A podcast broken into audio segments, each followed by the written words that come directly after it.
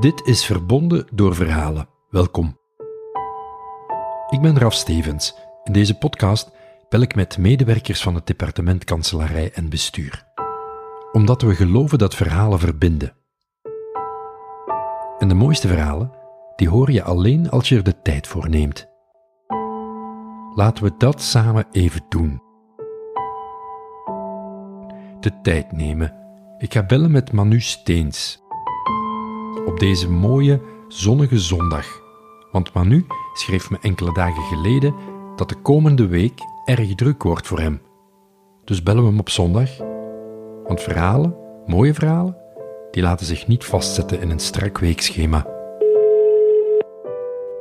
Ziezo, daar gaan we dan. Benieuwd waar Manu zich bevindt op dit moment. Zondag is doorgaans een dag dat ik toch wel probeer een paar uur vrij te maken om een kameraad of twee kameraden te ontmoeten, om samen iets te eten en dan daarna, ja, een keer terug thuis. Ik heb geen familie, ik heb geen, geen, geen vrouw, geen kinderen, dus uh, dan, dan, dan, dan roepen de boeken terug en dan begin ik mijn vakliteratuur door te nemen. Ja. Op dat vlak ben ik eigenlijk een uh. Dus, uh... Kan je daarvan genieten dan ook? Oh ja, oh ja. Ja, ja, ja absoluut. Eigenlijk, is mijn werk een verlengde van mijn hobby. Dus uh, ik ben er eigenlijk een beetje trots op dat ik eigenlijk heel mijn leven nog, en ik durf dat eigenlijk wel zeggen, nog nooit gewerkt heb. dus ik heb altijd, altijd betaald geweest voor mij goed amuseren op werk. En uh, tot hiertoe is dat altijd al goed gekomen. Dus ik trouw er eigenlijk op dat dat zal blijven duren.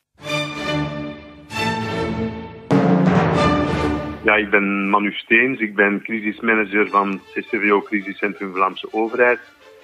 Ik ben bijna 54 jaar, ik woon in Mechelen. Ik hou van klassieke muziek, ik hou van hardrock en ik hou van goede actiefilms.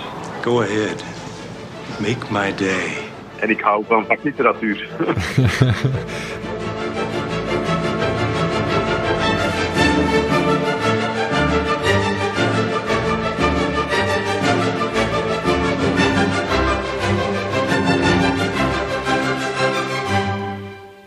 Is de periode al aangebroken dat jullie. Ben je al terug op kantoor of komt dat er nog aan? Waar, waar, werk je de volgende week dan?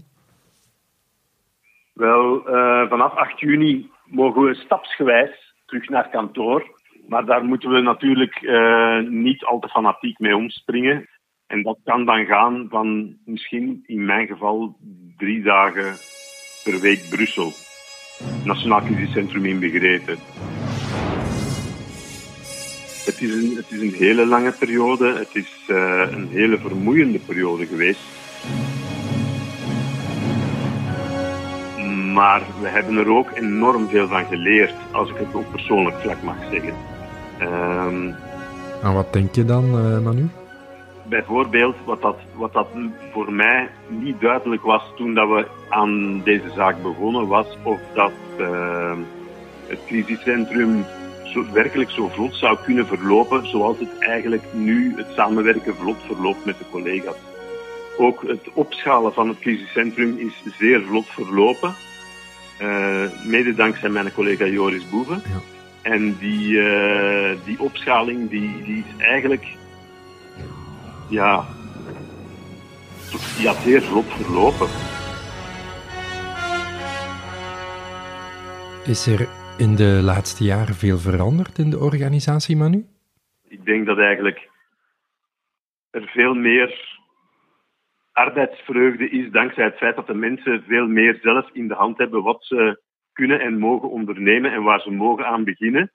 En ik denk dat eigenlijk Martijn een, een, een, een gouden idee gehad heeft met um, zelfsturende teams, of als, ja, als het teams zijn, zelfsturende netwerkorganisatie uit de grond willen stampen.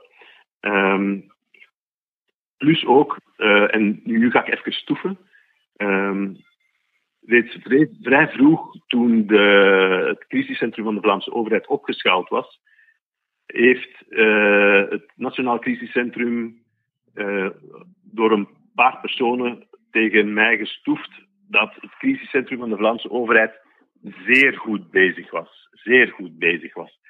Dus dat is toch wel een, een teken aan de wand waar dat je van zegt van daar mogen we onszelf een uh, speekmedaille voor geven. Zou je kunnen zeggen dat de nieuwe vorm van werken op persoonlijk vlak voor je persoonlijke groei ook iets heeft uh, bijgebracht? Ja, eigenlijk wel. In die zin dat ik uh, nog meer van mijn, van mijn hobby mijn werk heb kunnen maken en dat ik met mijn hobby en mijn werk samen nog meer een win-win situatie heb kunnen uitbouwen.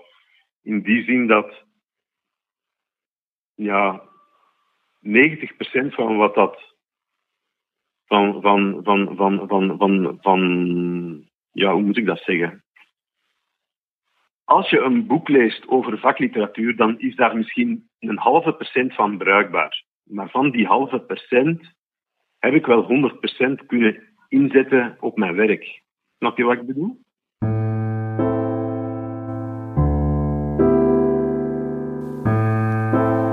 Dus uh, ja, het, het zelfsturend netwerk het feit dat je kan, kan kiezen naar welke conferenties dat je gaat, het feit dat je kan kiezen naar welke vergaderingen dat je gaat, het feit dat je kan kiezen om in de rand naast, crisis, naast crisismanagement er ook nog andere zaken bij te nemen. Dat, dat, dat werpt inderdaad vruchten af in de zin dat je kruisbestuivingen kan organiseren. En dat je niet elke keer als je een idee hebt van daar zou het misschien iets mee kunnen zijn, dat je niet elke keer helemaal rondom moet gaan langs de leidinggevende om toestemming te vragen. Dat is een zeer groot voordeel. Mhm. en, en niet alleen voor, voor tijdwinst, maar ook voor een boost voor het persoonlijk ego. Dus. Het is een beetje een tussenfase waar jullie momenteel in zitten, ook richting ja, verandering en de fusie met, met Buza. Hoe, hoe kijk je daarnaar? Ik, ik, ik probeer momenteel mij niet te focussen op de, de, fusie. Omdat momenteel liggen de kaarten nog in twee richtingen. Ofwel BUSA ofwel een andere organisatie, onderdeel van een andere entiteit van de Vlaamse overheid. Um, maar ik probeer daar nu momenteel hmm. mij niet op te focussen, omdat op dit moment, gezien de ernst van de situatie in de wereld, lijkt me dat niet echt relevant voor mij nu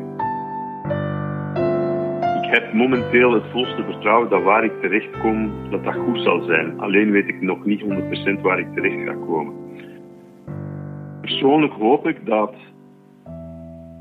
waar ik ook terecht kom, dat ik, het, dat ik de ingeslagen weg die we uitgestippeld hadden in de tijd nog met Martin, dat we die verder kunnen uitbouwen. Dat is eigenlijk mijn wens, want hetgeen wat, mij interesseert is een volledige uh, professionele werking van het CCVO verder uitbouwen.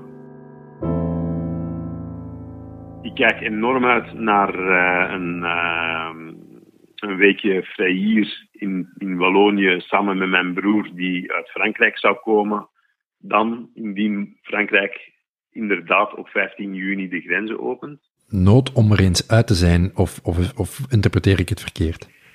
Dat interpreteert u juist. Dat interpreteert u zeer, zeer juist. Dat is, uh, uh, dan ga ik een, een, een, aantal weken verlof nemen, maar ik ga ook een aantal dagen recup nemen, denk ik.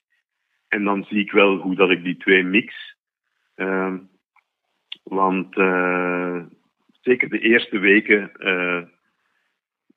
mogen vergelijkt worden met Hell Week bij de SEALs in Amerika, denk ik dat was echt 18 uur per dag, soms sommige dagen 18 uur per dag.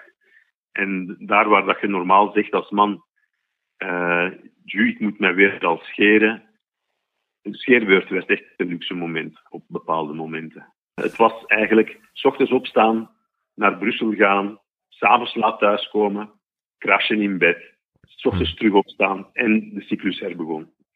En dan heb je erg weinig tijd om uh, veel veel aandacht aan jezelf te schenken. En dat was, dat was even, even hard toen, een paar weken. Wat staat er vandaag nog op het programma voor jou? Koken eten met een kameraad. Lezen in een boek. En misschien nog een vertaling maken van een uh, blogartikel artikel dat ik geschreven heb een paar uh, weken geleden.